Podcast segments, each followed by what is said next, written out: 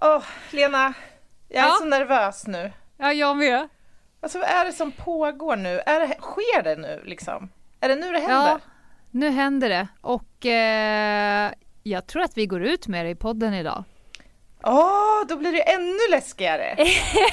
Ja men det är smart, det är ungefär som när man ska dra igång en sån träningsgrej. Man måste gå ut med det på alla möjliga liksom, medier så att man inte kan backa.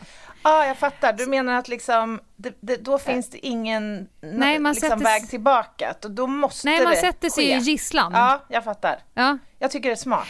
Och dessutom Eh, tänker jag att ja. vi kanske behöver använda våra lyssnare om vi ska få liksom idéer till namn på karaktärer kanske, eller platser, fiktiva eh, saker. Ja. jag, jag sitter här och typ andas i en brun papperspåse. Ja. Nu säger vi det. Vi Oh. har alltså signat med Norstedts förlag att skriva bok. Ja, nej men alltså det är så otroligt hedervärt och peppigt. Jag är så himla glad och stolt över det här. Glad, stolt, vettskrämd, Mm. eh, pirrig, eh, prestationsångest. Går det att få in Mm. handsvett här någonstans? Ja, du kör handsvett, pattsvett. Ja. Eh, men, men också eh, så djävulskt taggad för ytterligare ett projekt tillsammans med dig. Mm. Ja. Nej, men alltså, och sen, jag måste också säga att jag är så himla taggad för att jag tycker att vi har en så jävla rolig story som vi skriver på. Alltså det kommer Ja. bli så bra. Det kommer bli skruvat, Mm. det kommer bli vast, men det kommer också bli jädra spännande tror jag. Alltså ju mer du säger, vi kanske ska vara försiktig med håsen. Varför då? Det var ju du som sa att nu har vi den här gisslansituationen. Det är Ja. du som har lärt mig allt du kan. Ja, jag vet. Jag vet. Nej men det, det blir roligt. Men jag tror att från och med nu, i mitten av april, vad är det idag, 16? Eh, från och med nu och eh, fram till i höst, Mm. då kommer vi behöva kötta. Ja, jag har ju svår ångest eftersom jag också sitter i slutfasen med ett annat bokmanus och eh, min kära förläggare hör av sig tre gånger i veckan och undrar hur går det? Kommer en leverans att ske snart? Men det här kommer att gå bra. Jag känner det. Det är bara som du Ja. säger, kötta på. Och, vi, och nu undrar folk redan så här, när kommer den, när kommer den? Som vi har fattat det, hösten 2021. Ja, Då då kommer ni det. se mig, Lena, sitta i Ica fältan. Kvantum. Nej, i fältan utanför en lokal bokhandel tillsammans med han eh, tennismänniskan som drejde penisar. Björn Hellberg. Ja, där kommer jag att sitta och eh, likt han bara sitta där rakt upp och ner och se, fast tydligen älskar han, vi frågade ju faktiskt våran förläggare där på Norstedts, men han, han älskar det. Mm. Eh, men jag har sagt så här, över min döda kropp, Mm. de, de giggen, de tar du. Jag tar dem. Du är alldeles, du är den Jag folkliga det. och, Ja. och jag har ju mingelfobi, jag har svart bälte i mingelfobi så att jag gör det icke. Nej, men det är skönt att vi är olika där. Du kommer få annat att pyssla med istället såklart. Mm. Kan inte jag få berätta om när du döpte en karaktär i boken? Är det okej eller? Kan jag få berätta den? Jag, Ja, nu kan tittar jag på dig på Facetime här bredvid och jag ser att du lite duckar så här micken. Jag gör det nu Anna. Du Ja, får bjuda på den. Jag bjussar. Jag bjussar. Du bjussar. Ja. Anna och jag, vi ska alltså döpa en karaktär i boken och så sa vi så här, men ett litet italiensk klingande namn hade väl varit bra på den här karaktären? Ja, och så bara, men vi båda liksom funderar på varsitt håll på, på italiensk klingande namn. Och, och så, kommer, så ringer Anna och så säger hon så här, du jag har en så jävla bra idé. Jag har suttit och, och verkat så här, Ro, eh, Roberto, Ro, Roberto, kan, kan heta Pauli, Paul, Paolo, Paolo Roberto. Det är väl ett italienskt namn? Ja, Och hon hör jag inte tycker vad hon att själv säger. Jag bara, klingar så bra. Ja, tycker att han ska vara boxare och, och, och laga pasta och typ stå på huvudet i bara överkropp på stan och, och vara lite så här lös i konturerna. Du, du tycker inte att kanske... Och varpå du bara bryter ihop Ja, och alltså- bara, men det finns ju en som heter Paolo Roberto. Ja, alltså vi kan kanske ta ett annat italienskt. Ja men alltså det var så sjukt för att jag, det är klart att jag vet vem Paolo Roberto är, men det var Det som att att det bara kom till mig och det värsta var att jag kände mig så sjukt nöjd också med namnet. Det var ju det. Ja, herregud. Nej, han, Ja. vi, vi kommer att låta Paolo Roberto få ha sitt namn i fred. Ja, Vi har ja. skruvat lite, kan man säga. ja, vi har skruvat Ja. på. Här men nu är det dags att inleda dagens avsnitt, Ah, Anna. Nu kör vi! Välkomna till krimpoddarnas krimpodd Över min döda kropp med mig, Anna Jinghede och Lena Ljungdahl.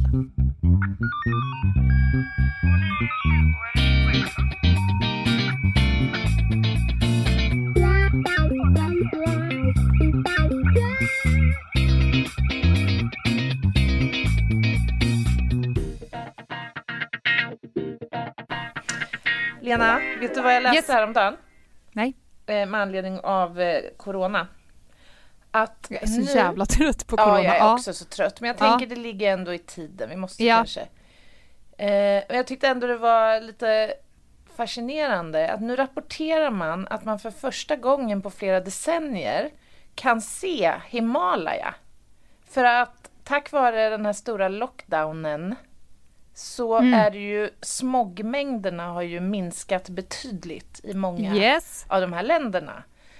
Eh, I Indien rapporterar man om att man kan nu för första gången på massor med år se en, se en stjärnklar himmel till exempel. Tänk att man inte Är har det- kunnat göra det på grund Nej. av föroreningar Är det nu man kan säga att luften är fri? Ja, det tycker jag. Det är väl rimligt. Är den fri? Det är ju som att Moder Jord bara Oh you slow-minded fuckers. Nu behöver vi Ja. jobba lite snabbare i rätt riktning. Mm. Så vi kastar Nej, på er ett virus, en pandemi. Nej, det är en konspirationsteori som Ja. är inte riktigt sann. Men det är ju fantastiskt. ja, jag faktiskt. tycker det faktiskt. Det är ju som att luften vilar nu. Mm, precis. Och det här kommer ju ha, om man ska vara lite så här försiktigt optimistisk, det kanske Ja. behövs i de här tiderna, så kommer ju det här att få väldigt positiva effekter på miljön på lång sikt. Ja, det, är så här, det finns inget ont som inte för något gott med sig. Det är ibland, eh, ibland är det lite too soon. Det var ju en Mm. som sa till mig när jag typ låg på sjukhuset med min cancer. Mhm. Jag vägde 48 kilo, Åh, jag hade Gud. skruvar och kanyler och påsar och sånt överallt. Ja. Och sen så är det en i min bekantskapskrets som förmodligen i all välmening Ja. Liksom, för då pratade vi om att, ja, men, hur gör man sina prioriteringar och så vidare. Så Mm. säger så här, ja du Lena men det finns inget ont som inte först har gått med Men sig. Jag bara. Too Den fucking skulle man soon. bara vilja ge en snyting. Va? Men nu men- så här i efterhand är det såklart att det är så. Det är såklart att det har fått jättemycket goda saker Jo. med sig. Men man får ju bara hold it, hold it. Mm, det, it's all about timing. Ja men, Nej, men du- luft, Ja, men det är dags för ett nytt element helt ja, enkelt. nu kör vi luft som element.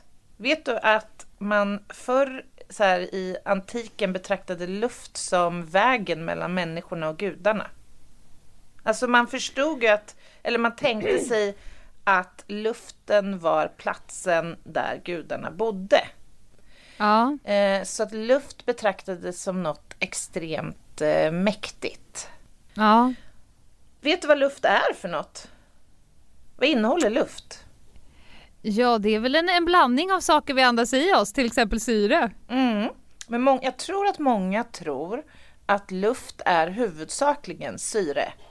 Men det är ju en blandning och den stora mängden utgörs ju inte av syre utan av kvävgas. Kväve. Så typ, och jag tror det är åt, nästan 80 procent eller något sånt där som är kvävgas. Och, och eh, sen är det väl typ 19 eller något som, procent som är syre och sen har du lite koldioxid och lite vätgas och lite annat. Mm. Men kväve Mm. är det vi behöver. Och det här kan väl du lite om som har dykt en del? Ja, det kan jag jag. ju. Ja, Jag har ju aldrig tack och lov fått ligga i en tryckkammare. Nej. Nej, det gäller att inte stiga upp för snabbt så att säga.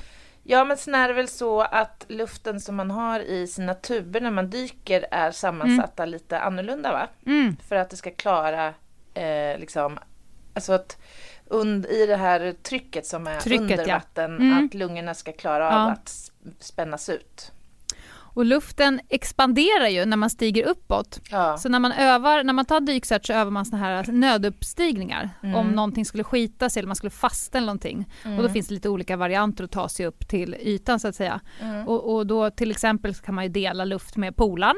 Eh, Mm, det. Men, eh, men sista utvägen det är att bara slita av sig hela luftpaketet. Oh. Att liksom koppla av och sen så simma, liksom frisimma uppåt. Mm. Och då är det lite lustigt när man testar det för att när man är där nere och tar av sig luftpaketet då är liksom, det är så ihoptryckt och man Mm. känner som att jag har ingen luft i lungorna, jag kommer inte Ah, klara mig hela vägen upp till ytan. Men medans du stiger så expanderar det ju. Mm. Så att du liksom får luft automatiskt Mm, på vägen upp kan man säga. Och det är därför man också alltid ska andas ut lite lite grann på vägen upp. Mhm. Långsamt så att man inte Mm. sprängs helt Nej, enkelt. fy. Så att man ska liksom läcka lite i munnen Ja, ja, eh, på vägen upp. Ja. Men du, du sa ju här inledningsvis att luften är fri. Jag tänker så här, i de coronatider vi befinner oss i just nu, Mm. eh, så får ju det där begreppet lite en annan innebörd kan jag känna. Mm. Eller? Märker du Ja, men- hur, hur vi har förändrat vårt beteende på snabbköpet, i tunnelbanan, i alla olika möjliga sammanhang genom att ta avstånd från varandra? Ja, och det här är ju en grej för mig. Jag har ju eh, två tröjor och den ena är Anti-Social Social Club. Det är ju, det är ju världens bästa Det är tröja. Och sen har jag du. Introverts Unite Separately in your own homes. Det är tröjor som jag har ägt ganska länge. Men som just nu när man har på sig den så tror de att det är liksom coronatröjor. ja, nej. Men jag märker på mig själv att jag uppskattar ju det här avståndet som man får till andra Ja. människor. Det, om du tänker på Dirty Dancing, när man sträckte Ja, ut armarna så sa så här, this is my space and this is your space. Mm, mm. Så skulle ju mitt space vara, jag vill gärna dansa Dirty Dancing på två och ett halvt meters avstånd. mm. Det är lagom för mig, alltid. mm. Så det här med att folk håller avstånd till varandra, att man står en bit ifrån och pratar, det passar mig utmärkt. Ja, ja. Jag har ju lite Så mer min problem. luft är fri. Ja. Jag vill inte andas in en annan persons utandningsluft av att stå och prata när jag ska stå och handla på ICA. Eh, Jag har, jag har nog med min egen Jag luft. tack tänker så här, var det här ett problem för dig i det polisiära? Eh, nej. Nej, det var För det nog vet- inte. För att det är ju lite så här, när man klär på sig uniformen eller liksom, även om det inte är en uniform, uniform, men den kallar den då men mentala uniformen. Mm, mm. så är det som att mycket försvinner. Om man är lite äckelmagad i Mm. sitt privatliv så kan man när man jobbar lätt få en spya innanför jackkragen Mm. utan att det, är är någon inte bara större... någons utandade luft vi pratar. Det kan komma material. Utandat innan mäte så att ja, säga. Ja. Nej men, eh, så att nej det har nog inte stört mig så mycket när jag har Nej. jobbat. För jag som normalt sett inte har något problem alls med den här närheten. Du vet, Nej. jag är ju, till exempel så är jag ofta mycket mer kramig än vad du är till exempel. Så här, Ja, generellt ju. Alltså fysisk. Eller vad Ja. ska jag säga. ja, ja. ja. Ehm, och när jag jobbade ute i yttre tjänst i uniform så direkt så får man ju ett liksom, vad ska man säga, säkerhetsområde, eller man vill ha ett säkerhetsområde omkring sig. Eh, och då blev det väldigt påtagligt tyckte jag, när man var i den rollen, hur man kunde känna att det blev nästan obehagligt när någon kom innanför den zonen. Alltså någon man inte kände. För en del hade ju ingen som helst respekt för det här att Nej. man inte ska hålla på och kladda och på en polis, Mm. liksom. Dunka på axeln eller komma all, bli allt för närgången. Eh, så det där var lite, kämp- det, det var lite utmanande för mig faktiskt. Ja, det finns ju de pappskallarna, eller vi kan kalla dem rövhattar, varför inte? Som när man stod liksom och pratade, två poliser stod och pratade med en tredje person av okänd anledning. Men då kan det ju komma någon så här full krogbesökare Ja. och typ ställa sig lite för nära och så vifta framför ansiktet. Ja. Bara, luften är fri, luften Ja. är fri. Hon bara, ja, jag vet inte. Inte så snart mycket länge är till. dina händer inte fria. För snart kommer du att ha ett handfängsel runt om om du inte backar tillbaka. Ja, kliv. exakt. Luft. Vad har vi på luft, nu då? Va, hur luft? mycket jobbar du i luft som kriminaltekniker? Är du uppe och, och far? Alltså jag gick faktiskt fallskyddsutbildning häromdagen. Jag såg för det på att Instagram. träna på lite, eller för att kunna jobba på lite högre höjd. Och då frågade den här kursledaren så här, ja, ehm, är det någon av er som har jobbat på högre höjd utan fallskyddsutrustning? Och då frågar jag, vad, vad menar vi när vi pratar om högre höjd? Ja, allt över två meter. Och då kände jag ju direkt, ja, jag kunde ju räkna upp 50 jobb som jag har gjort på de Ja. höjderna. Ja. Bland annat har jag stått och balanserat på ett passagerarflygplan och gått på taket på det och fotograferat och sådär. Utan Ja. fallskyddsutrustning och tak som... Nu efter utbildningen, vad skulle du haft med dig då? då? Ja, då får man ju ha med sig sin sel, en sele helt enkelt. Ja. Och eh, ja, linor så att man kan förankra sig ordentligt. Och vi Har har, du ju klättrat haft... i dina dagar? Ja, på, alltså glaciärer. Isklättrat har jag gjort lite grann. Eh, men inte på liksom annat sätt. Nej men Nej. alltså det är ju inga konstigheter. Vi har ju haft fallskyddsutrustning. Det är bara det att jag tror att man behöver påminnas om riskerna lite grann. För att man kanske blir Mm. lite överjärv ibland. Ja, det, det jobbet som jag har varit på eh, när jag var polis under alla åren där jag har hört ett högst, eh, det högsta skriket, Mm. alltså det högsta skriket som kan lämna en människokropp ja. var en man som hade fallit ner från lastkajen eh, i något industriområde och den är inte så jättehög. nej, nej. Den är ju inte, kan det vara en, en och en halv max? Ja, något sånt. Ja, Fallit ner och eh, brutit bäckenet. ah, fy fasen. Ja, Schmerze. Schmerze! Det var snudd på att man ville för, för hans skull slå ett batongslag i huvudet på Ja, honom så han kunde ja. få, få tuppa av.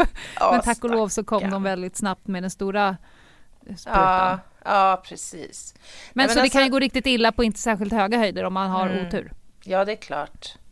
Nej, men som kriminaltekniker och luftjobb eh, så handlar det ju Mm. mycket om ja, men dels miljöbrott kan det vara frågan om. Mm. Föroreningar, olaga utsläpp till exempel av giftiga ämnen. Och det är ju Mm. sådana här jobb som verkligen kräver en nogsam planering. För att det kan ju, vissa sådana här gaser kan ju vara direkt livsfarliga och det räcker med liksom ett andetag och sen är du Mm. ute ur leken. Men då har ni skyddsmasken på er Ja men det har vi ju och vi har brandingenjörer och allt möjligt till hjälp för att göra en riskbedömning och planera en sån eh, insats ganska väl sådär. Men annars så är det ju för oss ofta ganska viktigt att kunna till exempel dokumentera en plats från luft. Mm. Och då historiskt så har ju det där skett ofta via eller med hjälp av eh, helikopter. Ja. Eh, Men det är ju lite mäckigt liksom att rekvirera en helikopter för att slå av lite bilder då. Så att nu Ja. har vi ju istället jättestor glädje av eh, vårt nya verktyg, UASen. Mm. Alltså drönare Drönarna. på Mm. Lekmannaspråk. Mm. UAS står för Unmanned Aerial System. Mm. Och eh, det har ju på bara senare år säkert tiodubblats i antal. Alltså vi använder det så otroligt mycket nu kontra vad vi gjorde för bara några år sedan. Ja. Eh, Även spaning kan jag säga. Ja men alltså de här drönarna kan ju, eller UAS-erna kan ju användas på massa olika sätt. Dels så är det ju liksom ögon från skyn brukar man säga. Mm. Alltså man kan ju använda det för att följa ett fordon eller en bil eller ja, men, eller för dokumentation eller få längdreferenser kanske. Bevakning. Brottsförebyggande. Alltså det finns massor med Jag gillar Bra. ju helikoptern men jag kan säga det var ju inte en lek att spa...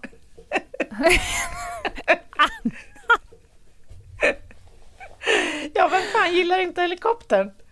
Anna! Nej, förlåt. Vi går vidare. Sitt ner Ja, i båten. Okej, många... jag refererar. Jag gillar 944 Ja. som den hette. Ja, just det. Polishelikopter, det hette den förr i världen. Mm. Men att spana med hjälp av helikoptern kan ju vara fantastiskt. Eh, men man vill ju inte att den som åker i bilen man spanar på ska höra helikoptern.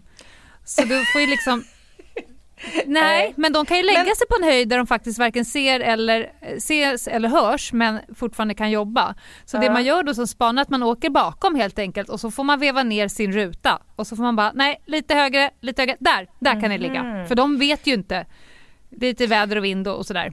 Men får jag fråga en sak då? Du, Mm. Jag vet inte om du kan svara på frågan, men alltså det är klart om det är en enda, ett enda fordon säger vi som ska spanas på.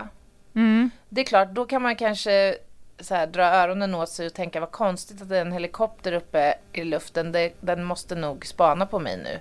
Men jag menar, i en trafikerad miljö där det kan finnas mycket an, andra liksom Ja. pers- personer och element.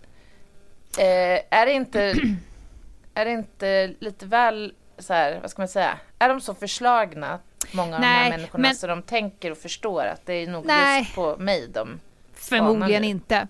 Men det är ju inte, det är ju bara i de miljöerna där det är väldigt svårt att haka på med bil Mm. där man vill använda Mm. helikopter och då är vi ute på vischan. Men då måste ju drönarna vara jättebra. Drönarna är säkert fantastiska att använda till det. Mm. Däremot läste jag en artikel, jag var tvungen att kolla upp så det inte kom ut den första april för det lät jättekonstigt men det är sant att i, Mhm. I Holland så tränar man örnar eh, att fånga drönare. Va? På sådana skyddsobjekt och sånt där. Jajamän, vid flygplats då, öv, då övar man upp eh, örnar för de har ju sån blick så att de kan ju se var de ska klippa liksom rotorbladet. Så att de, de tränas på att känna igen dem och flyga in och klippa dem och dra iväg med dem. Det är ganska coolt. Mhm. Nu tänker är du så här, är du säker på att det inte var en ding-ding-värld? Ja, Men jag tyckte att jag faktiskt. läste tillräckligt många artiklar om det för att Ja, men kunna... samtidigt, nej men jag är inte, alltså jag vet ju att många fågelarter också är väldigt lätt att, vad ska jag säga, domesticera eller så här träna till Mm. Ja. olika beteenden. Ja. Så att nej, jag, alltså jag egentligen är inte jätteförvånad men det låter Coolt ju ändå. lite coolt. Vet Mm. du hur många helikoptrar som polisen har i Sverige? Nej, inte nu längre. Nej, det är eh, nio stycken. De finns i Mm. Stockholm, Göteborg, Malmö, Östersund och Boden. Mm. Eh, och de här är ju då likvärdigt liksom utrustade och kan jobba över hela, över hela liksom landet med då olika typer av brottsbekämpande eller livräddande insatser. Till exempel. Mm. Eh, så det, och många gånger så är det ju enda sättet att faktiskt kunna utföra vissa tjänsteuppdrag. Eller vad man ska säga. Så jag tänker till exempel fjällräddning. Mm. Alltså hade man inte helikopter i de situationerna, då vet jag inte. Ja, det är klart, nu har vi ju drönarna då. Eller UASen, men, men ändå. Det är otroligt värdefullt eh, hjälp, eh, hjälpmedel.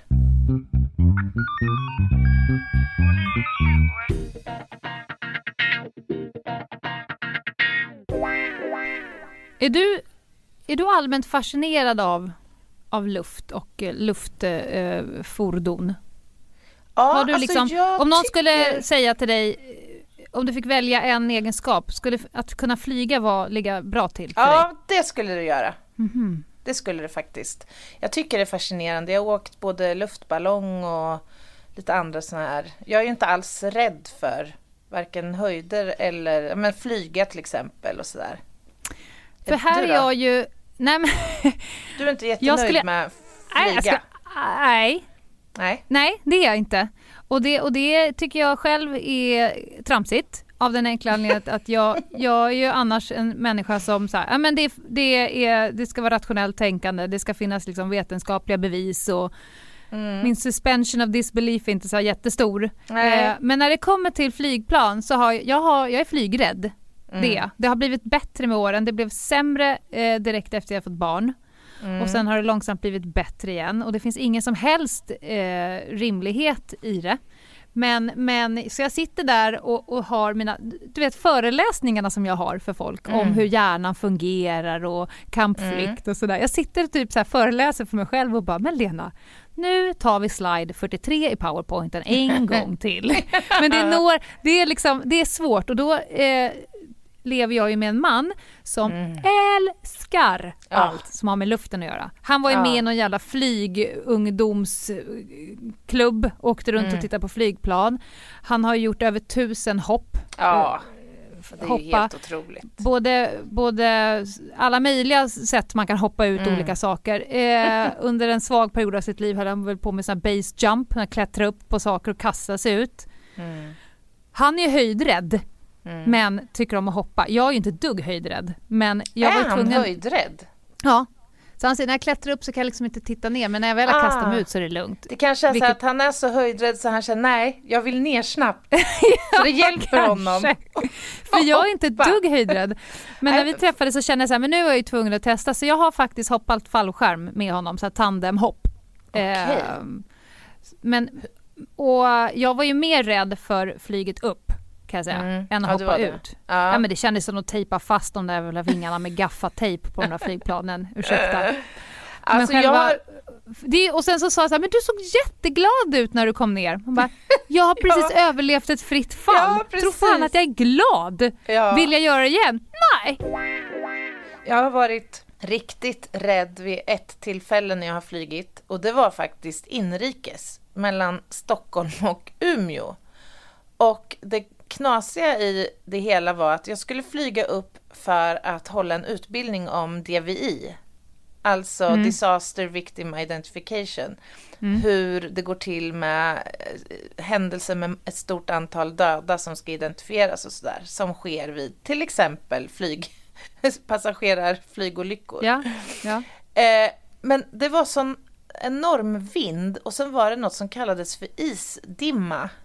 Eh, så det var ju på vintern det här. Och flygen före och flygen efter fick inte ens gå ner och landa i Umeå. Men av någon anledning så fick vi göra det. Men det var ju så här, alltså jag, för det första trodde jag inte att han skulle träffa landningsbanan. För att vi for liksom i sid, alltså så fort det kom en sån här kastvind och det här var ett litet, litet flygplan. Så, nej men du vet, jag kände bara, nej men vi kommer stöta i vingen nu, kommer aldrig komma ner rätt liksom. Men det gick till slut, men jag fick typ gå och byta Jag små får byxor efteråt. Ja, jag, jag tror att mitt kanske kom, I min ungdom var jag ju ganska mycket på Maldiverna. Mm. Eh, och när man ska landa där med flyg, det är ju massa små öar. Eh, så de har ju helt enkelt fått tag i den ön som är längst. Där Ah. det finns mest yta ovan vattenytan. Mm. Maldiverna är inte en, liksom ett högt land kan man säga. nej, nej. Så, och då startar ju landningsbanan i vattnet och slutar i vattnet. Så Oh, att jag, varje gång man kom dit så var man tvungen, de här flygen att ta om. För att de Ah, kom fel kom eller fel in- hastighet. in och exakt. flera gånger så har de ju fått gå ner Ja. och sen så börja bromsa och sen inse att det här kommer inte gå. Då får Nej, de gasa på och så gasa på. upp igen och så Ja. ska det, nej, nej tack, nej. nej tack, pass på kungen på den. Men vet du vad som var lite intressant den här gången när det blev lite otäckt i kabinen? För att jag har tänkt mycket på det där efteråt, hur Mhm. människor reagerar i den där stunden när man ändå tänker så här att det här kan vara slutet. Eventuellt så kommer inte det här gå bra och här sitter jag och jag kan inte göra ett smack för att påverka utgången här. Jag föreställde mig ju i en sån situation att folk skulle gripas av panik, att folk skulle gråta eller skrika, eller du vet, så här, de mest liksom kanske primitiva beteendemönstren. Men faktum är att det blev helt knäpptyst i kabinen Mm. på något märkligt vis. Mm. Det, var, det var en märklig upplevelse det där faktiskt. Jag har också sett studier i samma tema när jag utbildar i såna här äh, skolattacker och terrorattack och så. Mm. Eh, Folk som är rädda att de bara ska stå och snurra som en fyr och Mm. skrika hysteriskt med händerna Mm. så här, Mm. på varsin sida av huvudet som man gör på film. Mm. Det gör ju inte, det är väldigt få personer som i panik bara skriker helt ja, hysteriskt. ja, Det blir ganska tyst. ja, det är så. Ja, Mm. intressant. Har du hoppat fallskärm? Nej, nej, jag har Skulle inte gjort det. Och det. Nej, alltså där är jag tveksam. Jag, alltså, en del av mig vill, för att jag tycker det skulle vara en häftig upplevelse. Men Mm. där är det på något sätt för mig lite det här att ta en onödig risk. Mm, jag jag. För att det känns som att det skulle göra jädrigt ont. Ja men det gör Om jag det. inte jag, landar rätt. jag brukar ju lite raljant säga det till min man. Han Mm. har ju också för övrigt störtat med ett flygplan, det vet ju du.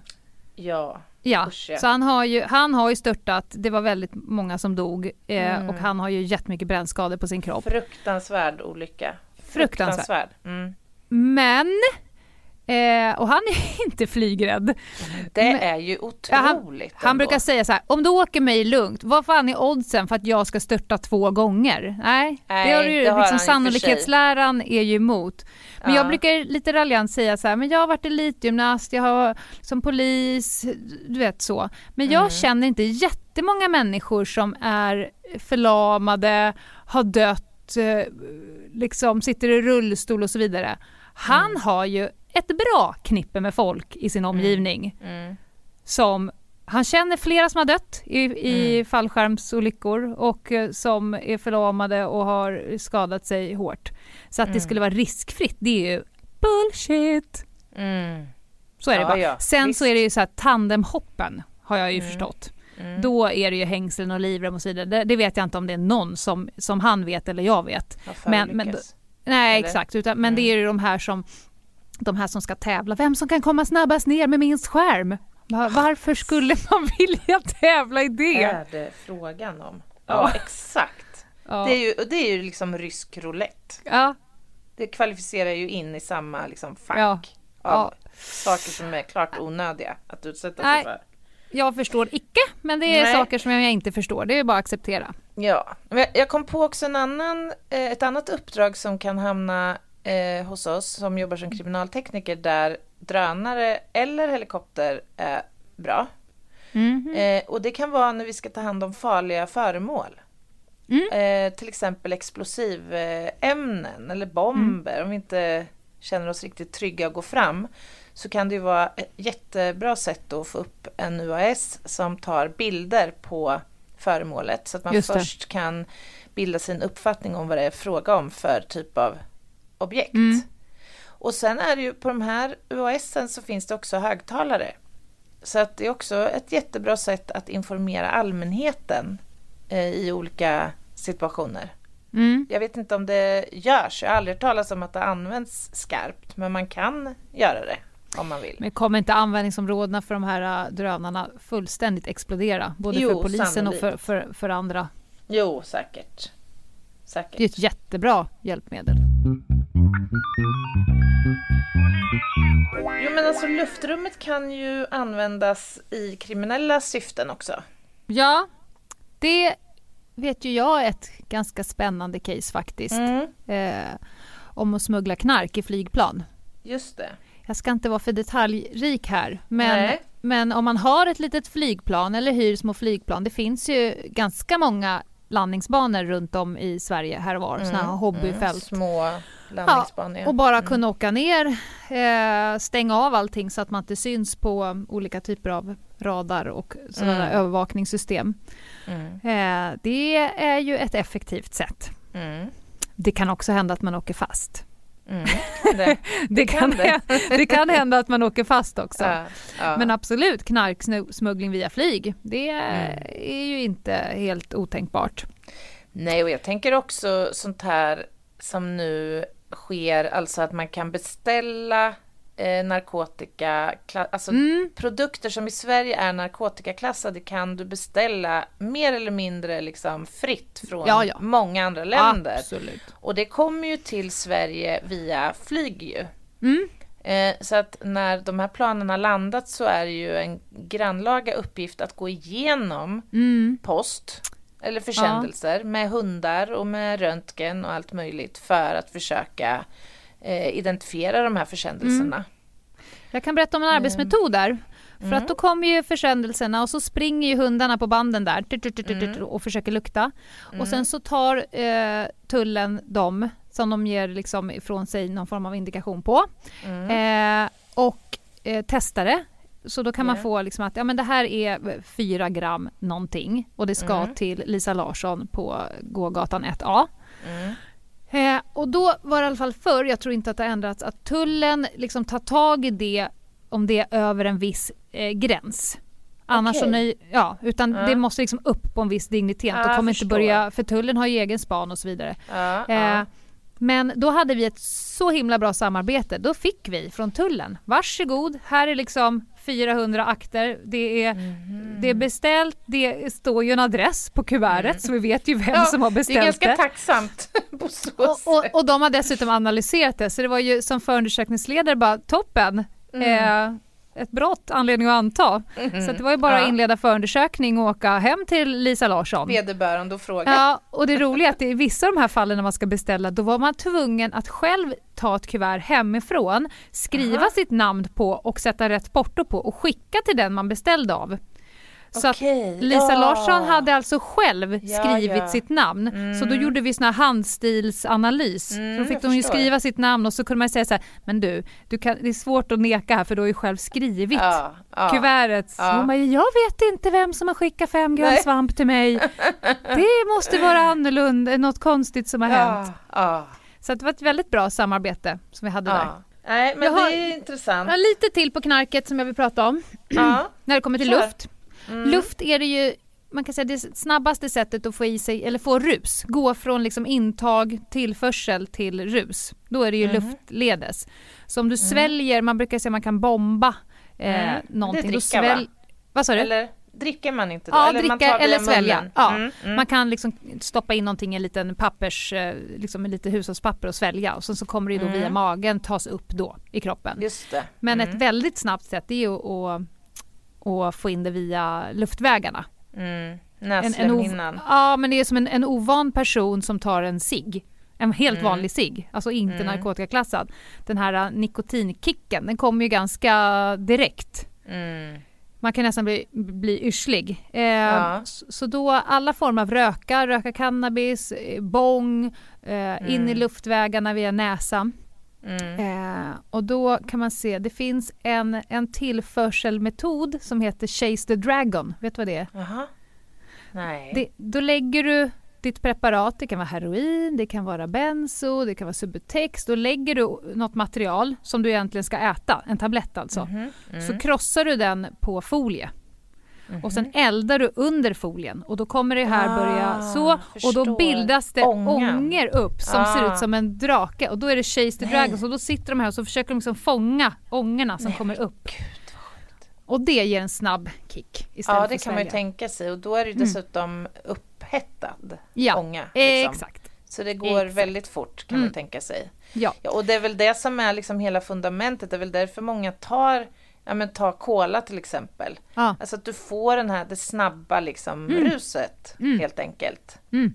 Så att, eh, ja, så är det ja, ju. förstår. Man vill inte ha ruset när man kommer hem från krogen. Nej, Det ska exakt. helst komma där och då. Ja, precis. Men sen, och sen så har det jag, ju börjat säljas Ja. lustgas. Eh, Det finns ju lustgaspatroner. Man kan köpa en ballong Det på vissa inte- ställen. aha, Kö- ja. Då sprutar de in lust, lustgas i en ballong och sen så... Tog du lustgas när du födde barn förresten? Ja, tog jag lustgas när jag födde barn?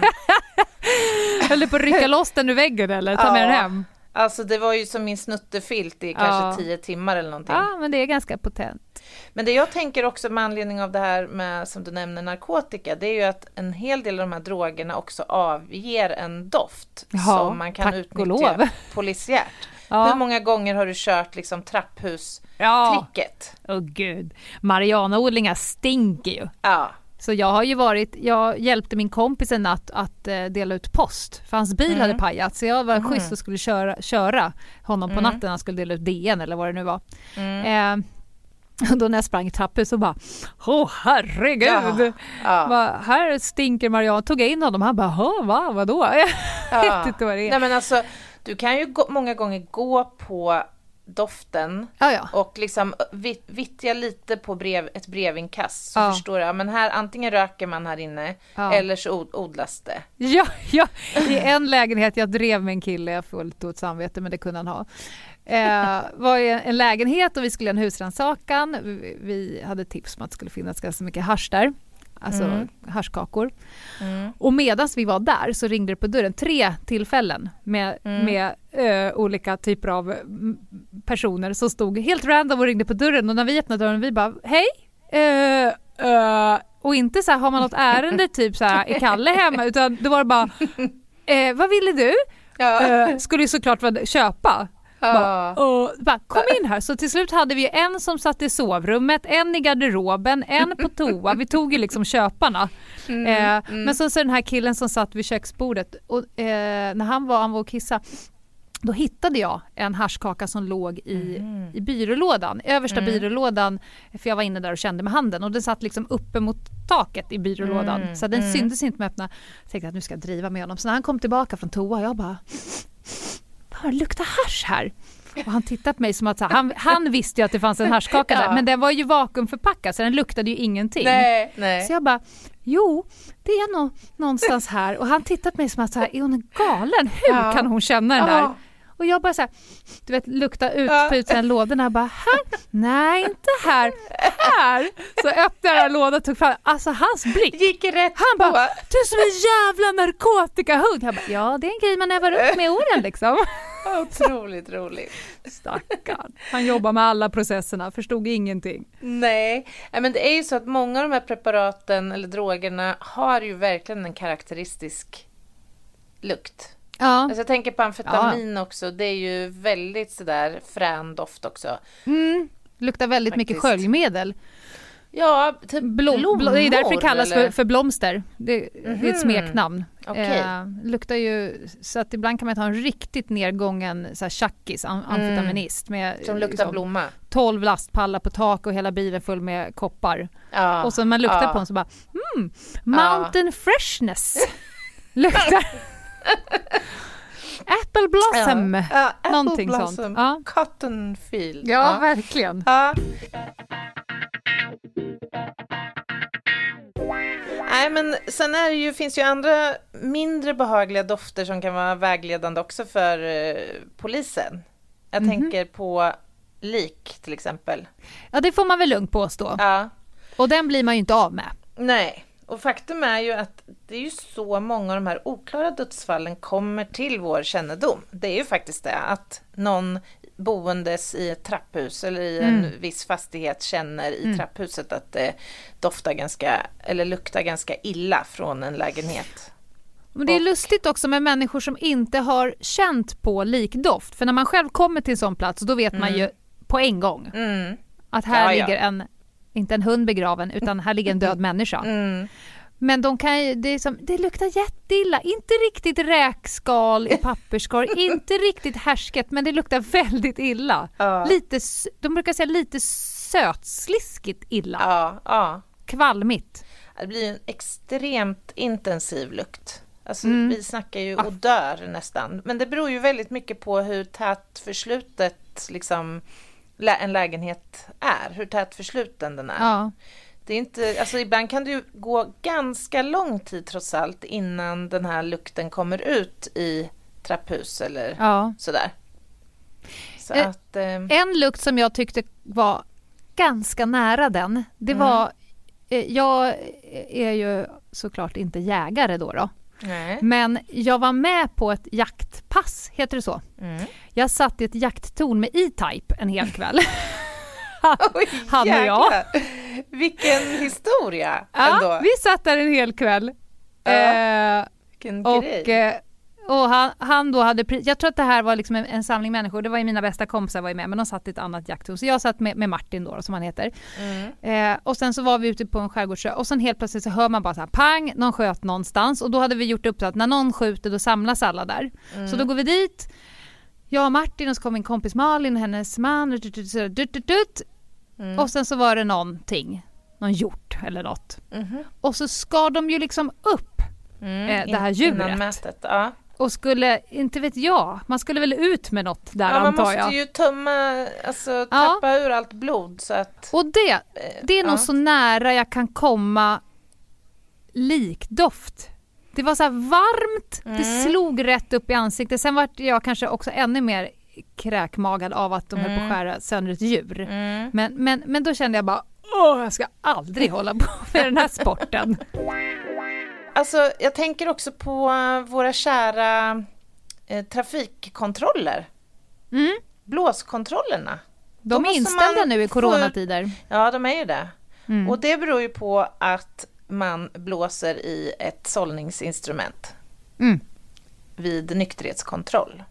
Och det där tycker jag är så fascinerande för att det krävs ju, alltså du måste ju kunna blåsa ut luft då under ett antal sekunder.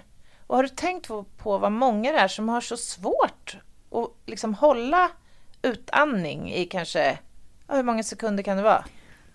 Åtta kanske. Har Alltså de att- det eller är de fulla och tror att de ska kunna kapa systemet så att säga? Jag vet inte, men det är så många gånger som man har här, nej nu får vi göra om för att du, må, du måste liksom blåsa längre i Ja, apparaten. du ska inte suga, du Nej. ska blåsa. Och du ska inte dricka ur den. Jag har ju berättat Ja. om min gulliga lilla kollega som jag hade som var lite äldre och som gärna bjöd på historien att när hon blev stannad i en trafikkontroll och tog i, hon, hon var, tillhör den här kategorin som hade svårt liksom att hålla den här utandningen eller blåset tillräckligt länge. Så medan hon blåser och tar i då, sist, gång tre typ, nu får du ta i med hela kroppen och blåsa tills det klickar till, då lägger hon av världens brakare istället. Det kommer lite liksom leverans gulligt. åt alla håll. Ja, precis. Det kom liksom i fel ände leverans, men ja, de skrattade så gott och det. Han var så gullig tydligen, den här konstapeln stod och fnissade lite åt det där och hon bjussade gladeligen på den här historien i Alltså kollegor som inte, kollegor som så att säga släpper väder i bilen. Mm. Nej, Nej, men de nej. ska få en särskild plats i himlen. ja. Ja. ja, där gäller det att välja kollegor med omsorg. Men det är ju intressant det här, jag har läst på lite om det här med eh, att släppa väder. Ja, såklart att du har det, Anna. Alltså jag skulle så jävla gärna vilja se din Google-historik. Jag tror att den skulle skrämma dig till tystnad. Ah. Nej, men för första Du bara så- bort med brandväggen, bort med virusskyddet, jag ska ut på nätet. Ge mig nätets alla Ah, dolda hörn. Ja. Vad men- hittade du Anna? Nej, men bland annat så hittade jag en intressant iakttagelse att kvinnors pruttar luktar värre än mäns. Diton. Jaha. På grund av att kvinnors eh, gas innehåller mer vätesulfid, hydrogensulfid. Eh, Varför då? Ah, oklart. Jag har inte kommit så långt i min utforskning. Men jag ska ta reda på det. Samtidigt så bör det ju understrykas att jag tror ju, nu killgissar jag lite, men min Ja. känsla är att kvinnor generellt oftare håller igen. Visserligen på bekostnad av att man får tarmproblem och uppblåst mage. Men i offentligheten så tror jag Men- inte, eller i en radiobil för den delen. om du skulle tänka, hur många gånger har du suttit i en radiobil, en polisbil, Mm. där din kvinnliga kollega har dragit av en sån jävla rap, eller mök, och sen skrattat lite nöjt efteråt åt sin egen liksom eh, eh, kompetens på ämnet så att säga. Har du varit med om det någon gång? Nej, aldrig. Har du varit med om att en man har gjort det någon gång? Ja, det har hänt. Ett Ja, gäng ja, gånger. ja. Mm. Vi kan väl ta det som en liten studie. Ja. Jag jobbade med en tjej som var asskön eh, Mm. när jag jobbade på i stora polishuset Kronoberg här.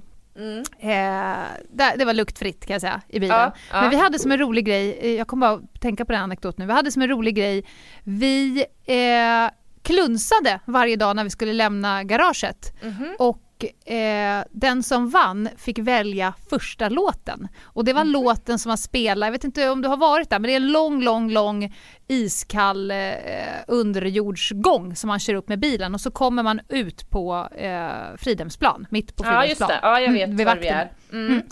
Och i den eh, fick man en jävligt skön akustik i den där eh, gången, Mhm. tunneln. Mm. Så vi klunsade och hon valde alltid samma låt och jag valde alltid samma låt. Gissa vilka låtar vi hade? Nej det kan du omöjligtvis Ja, men veta. hur fan ska jag veta det? När Gisla vann, då var det I like big butts and I cannot lie. Ja, fantastiskt. Och när jag vann, eh, Samantha Fox med Touch Me. På högsta volym Bra när vi åkte ändå. upp. Ja men jag är ändå Det ganska är nöjd. jätteroligt. Ja. Ja. Men du, jag har lite mer på MÖK-temat. Mm, ja, såklart att du har. Förlåt att jag gick därifrån lite för Ja, tidigt. Jag tycker ändå att vi... Gå gärna det- tillbaks. Vi skryter ju med att podden är faktatung.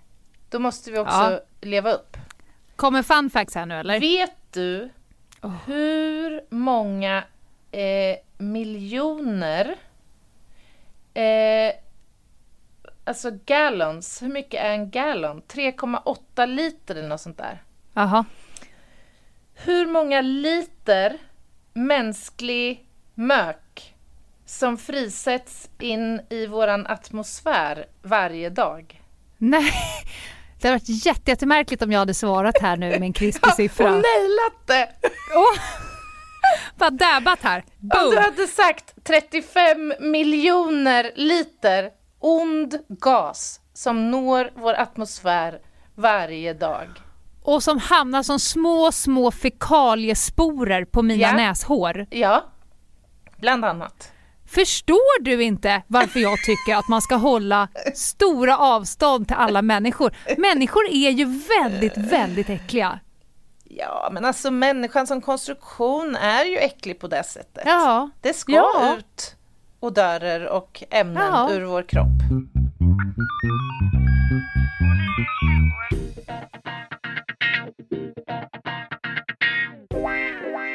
Jag kommer tänka på en, en eh, rolig anekdot som faktiskt eh, fröken Sekreta berättade för mig. Oj, vad roligt.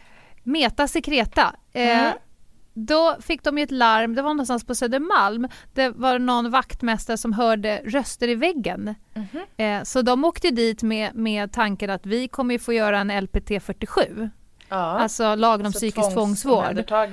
Ja. om man hör röster i väggen då har man liksom passerat ett par Ja, då- gränser för mental hälsa. Mm. Men när de kom dit och döm om deras förvåning, de hörde röster i väggen. Det var någon Jaha. som bara "Åh!" så, Äh, ganska långt ner vid, vid, Okej. liksom vid golvet.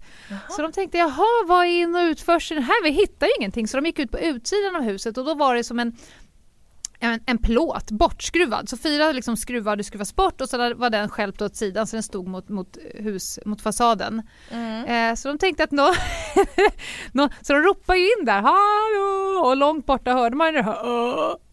Eh, så de fick helt enkelt gå in till Vaktis rum där igen och eh, med vinkelslip upp, öppna upp. Då är det ju alltså en inbrottstjuv som har tänkt att jag går in via eh, lufttrumman eller liksom via ventilationen här. ja. Men den här personen hade inte räknat med ett par meter in så gjorde den en skarp 90 graders kurva nedåt. Åh nej, men gud. Och den var ja. också för smal, han kunde inte vända om utan han åkte ner, så han stod på huvudet rakt upp och ner i, i en kanal. Så när de vinkelslipade ut honom där, han var ju ganska eh, konstig färg i ansiktet. Ja, Ja, både det- sot och han hade skit ju och kunnat blod och- dö där inne. det hade han gjort om inte han hade blivit hörd där. Ja. Fy vad Så gå inte in via lufttrumma. Det är Nej. dåligt sätt. Dålig angreppsväg i det här fallet. Typiskt dålig entréväg kan man Mm. väl säga. Kan man äga luft? Ja, det var det jag skulle komma till. Jag hittade så jädra roligt citat. Whoever owns the soil, it's, it is theirs up to heaven and down to hell. Alltså, marken som du då skulle äga, din tomt då, då Mm. att du skulle äga den upp till himlen och ner till helvetet. Det tro, det, så är det ju inte. Nej. Men man undrar ju så här, för då hittade jag ju självklart en fantastisk Flashback-tråd. är där någon sa, men om jag flyger in och hovrar två centimeter ovanför din gräsmatta. Och sätter på högtalaren och skriker luften är fri, luften är fri. Brott? Frågetecken. Och så följde jag dessa underbara eh, människor som har Förslag. så nära till eh, personangrepp, Ja. förlöjligande, Ja. eh, konspirationsteorier. De gick igenom allt. Men kvar stod jag med frågan, vad är det för brott att hovra Mm. två centimeter ovanför din tomt? Och då började jag fundera på, är luften egentligen fri? Ja. Och då har jag kommit fram till en lista som är luft som icke är fri. Åh, vad spännande. Kör! Veckans lista. Vad är det för brott, Anna, tror du, om jag stjäl luften i dina bildäck? Det är Ja, bara alltså, luft som du inte så ägde förrän du stoppade in Mm. den i, i däcket. Ja, jag fattar. Jag tänker direkt att du måste ju ta dig in i däcket på något sätt. så att Ja. kanske att, så här, det är ju uppenbart så att om du skär upp däcken så är det väl fråga om skadegörelse kanske. Ja. Men ja, jag vet, jag är osäker. Har du någon gång skrivit mig. en polisanmälan på stöld av luft? Nej, det har jag nog inte gjort. Nej. Hen stal min luft. Ja, precis. Okänd gärningsperson har klockan 23.34 stulit, Stulit stulit min fis. Det hade varit oerhört intressant. Jag skulle spara den i en burk. Den är nu stulen, den är min. Ja, ja, det är klart du skulle. Ja, Ja. ja. Men jag, jag är nog inne på samma, att det skulle behöva vara någon form av, av skadegörelse. Ja, men det måste du väl nästan. Samtidigt tänker jag så här, om du då, låt säga, kan tömma ur luften utan att göra åverkan på däcket Ja. och sen sätter tillbaka eh, ventilen då. Ja. Vad har du då gjort dig skyldig till? Kan det vara egenmäktigt förfarande med Ja, luften? Jag har olovligt brukat Ja. din luft. Men om jag då suger ut luften Mm. in i ett kärl Ja. och ställer det utanför din dörr. Ingen Olovlig- åverkan på däcket och du har fått tillbaka förflyttning av luften. luft. Olovlig luftavledning. Kan det bli det? Ja, ja som kraft. Ja, Ja. ja. ja spännande. det här spåras ut fullständigt. Ja, Ja, jag går ja, på verkligen. nästa. Ja, vi går och kör på nästa då. Om du stjäl luften i mina lungor. Hur skulle det gå till? Ja, du? du får måla upp olika scenarion. Just nu har jag luft i mina lungor som du tar. Ja, på något Ja. vis så kan ju det ske när man kysser varandra, kanske. Ja. Alltså menar att du kysser och över, suger? mellan två personer. Ja, fast då måste ju, jag skulle nog hävda att det finns no, förhoppningsvis så är ju denna handling grundad i någon form av samtycke Mm. Ja, det är ju till det vanliga. luft och slemutbyte. Mm, mm, mm, mm. Mm. Sekretutbyte. Nej, Se- men, om du snor luften i mina lungor? Ja, då tvingas Utan du väl samtycke. till en våldshandling, tänker jag.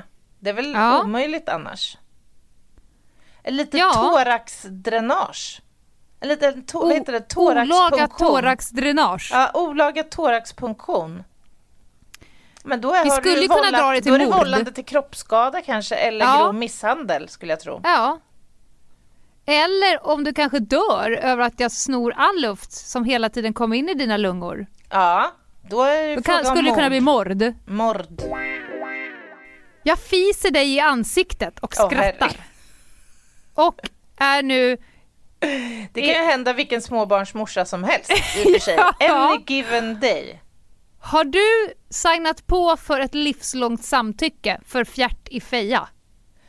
Eh, För att du har barn? alltså, Eller djur? Alltså, Doris kan ju fisa så att man svimmar. nej, men om min 18-åriga son skulle göra det så skulle det ju såklart inte vara. Mm. Då vill jag att du går in till samtycke. polisstationen nu. Jag är anmälningsmottagare Mm. och så vill jag att du anmäler brottet nu. Ja, eh, hej, jag skulle vilja anmäla ett brott. Ja, ja, ja, det, ja då är Ehm, jag skyldig att ta upp det. Ja. Mm. Det är så här att eh, en i min omgivning fes mig i ansiktet i morse. Så att Ja. jag blev väldigt, väldigt ofredad. Du, du blev ofredad. Eller vad blir jag? Vad blir jag? Vad ja, jag vi? vet inte. Nej, det kan ju inte vara Är misshandel. du med på outsider så blir det ju Eller kan eh, det bli misshandel? pilsk. Misshandel? Alltså Nej, så här, det måste finnas en effekt. Sveda i ögonen eller någonting. Ja, för sig. Det beror ju för sig på om, om, om hen, eller i det här fallet han, har ätit indisk kurma ja. dagen ja innan. precis. Då kan det möjligtvis bli eh, rå... För att har du rodnad, om, du står, om, du, om jag sitter på polisstationen och du säger jag har blivit fjärtat i ansiktet och rodnad uppstod i ögonen. Jag undrar jag om inte jag skulle skriva Ja, på misshandel. Men alltså, med en riktigt vass förundersökningsledare så skulle man nog kunna driva det där. Jajamän. Jajamän. Annars Eh, skulle jag kanske ofredande då då? Säg att du Men går på stan och random person kommer och fjärtar i ditt ansikte. Ja. Ja, det, ja. Det, det måste ju bli ofredande tror jag. Okej, nu kommer sista. Mm. Jag lufttafsar dig. Vad gör man då? Alltså, ja, mina händer far runt i närheten av dina genitalier. Ah, lite vikingatouch på den. ja, Ja. vad är det för brott? du vill anmäla? Ja, men det skulle jag nog ändå Samtidigt som kunna... jag säger att luften är fri. Ja, det är nog kanske också ett ofredande. Och Mm. är det fråga om genitaliernas eh, Ja. frid, då kanske det blir sexuellt ofredande till och med. Ja, genitaliefriden. Ja, Ja, som är kränkt. ja. Ja. ja jag tror att du har rätt. Ja, kul lista. Vi kan efter det här avsnittet konstatera att luften är inte fri. Precis. Och därmed ska vi runda av, tycker jag, det här härliga Yes. avsnittet. Och välkomna våra lyssnare till Instagram, Ljungdahl och Ginghede. Eh, frågor, samarbetsförfrågningar, respons och annat. Bokpepp. Bokpepp, ja, precis. Kan ni dra ett mejl om till ljungdahl och ginghede at gmail.com. Snyggt. Det var Vi det. hörs nästa vecka. Det gör vi. Bye, bye. Hej då.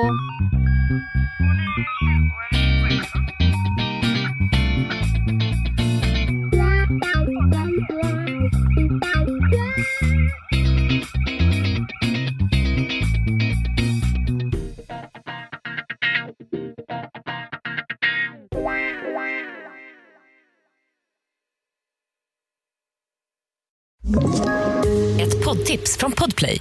I podden Något Kaiko garanterar östgötarna Brutti och jag, Davva, dig en stor dos skratt. Där följer jag pladask för köttätandet igen. Man är lite som en jävla vampyr. Man har fått lite blodsmak och då måste man ha mer. Udda spaningar, fängslande anekdoter och en och annan arg rant.